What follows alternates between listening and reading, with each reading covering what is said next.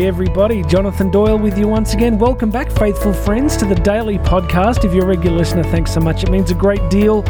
I get up every day, I make sure these get done in the belief that someone out there, other than my mother, is listening to the daily episodes.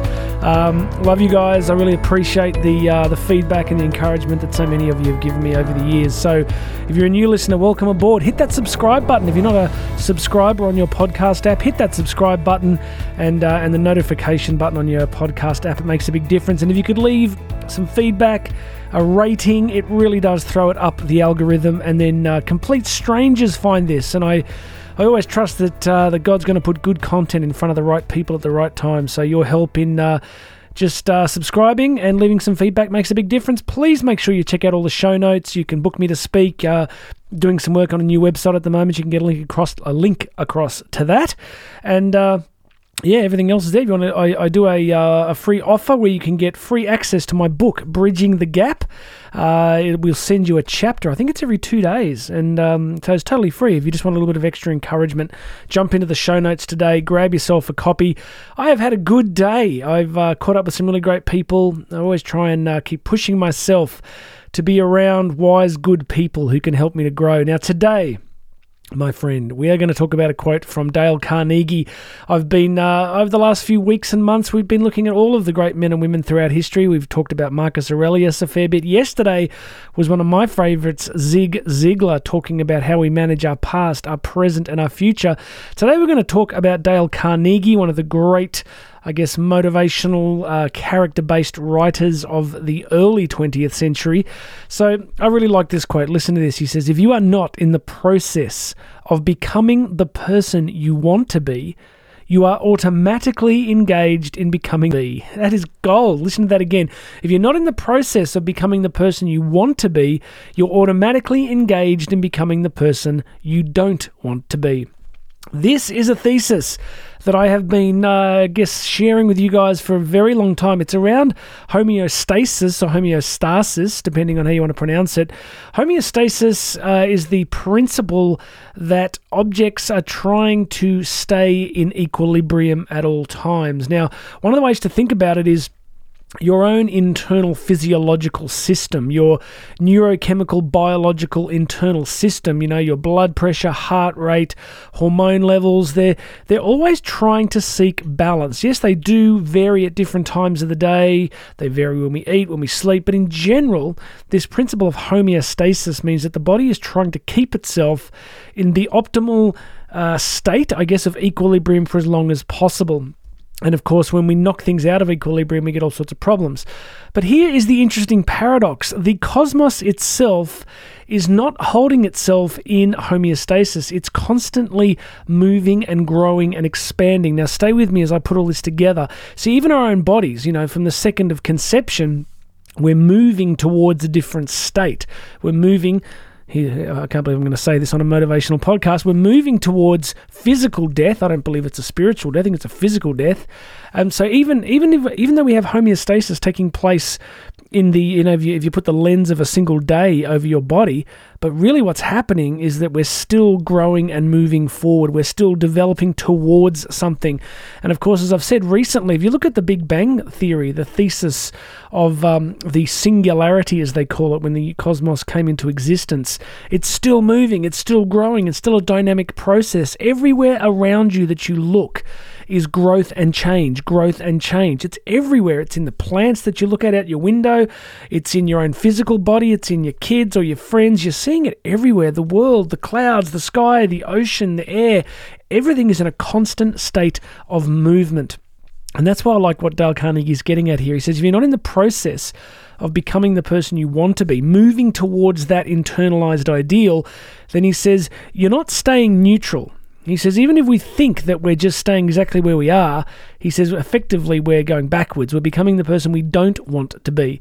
So you know that if you sit on the couch of life and do nothing, you don't improve, right? You, you basically go backwards. You don't stay exactly the same.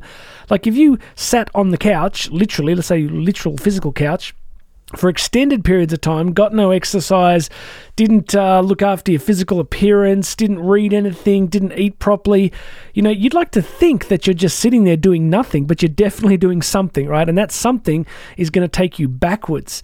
So I like this idea that if we're not in the process of becoming the person that we want to be, we're automatically, by default, engaged in becoming the person that we don't want to be. I think that's powerful. What's the message?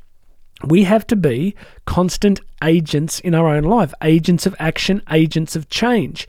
Now, often I get the question, well, Jonathan, what about, you know, prayer and stillness and meditation and accepting the way things are and being at peace with that? Totally get it. Totally get it. I do.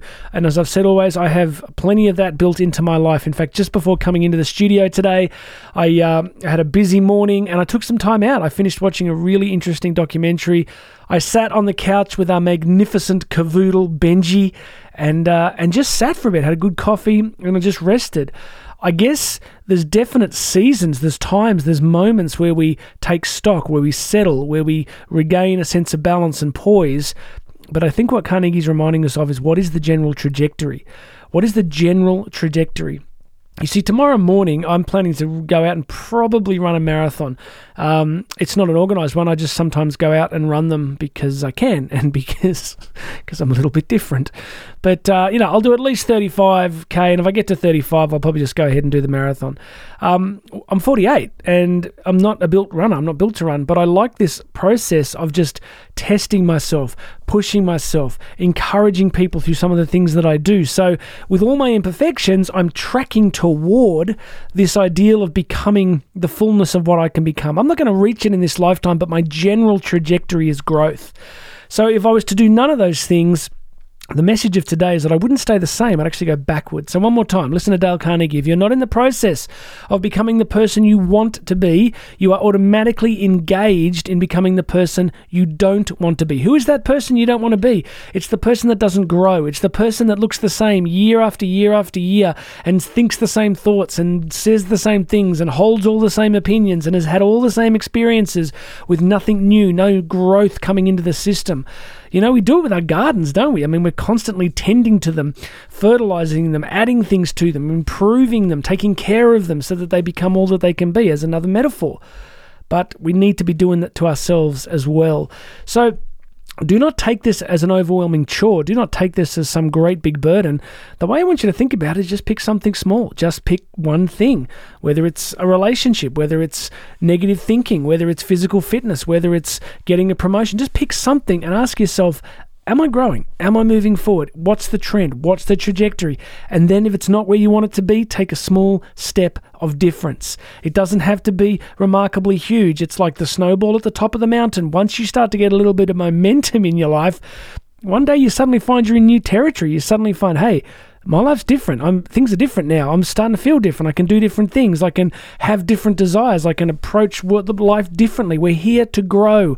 We are here to grow. I'm a parent, three young kids still.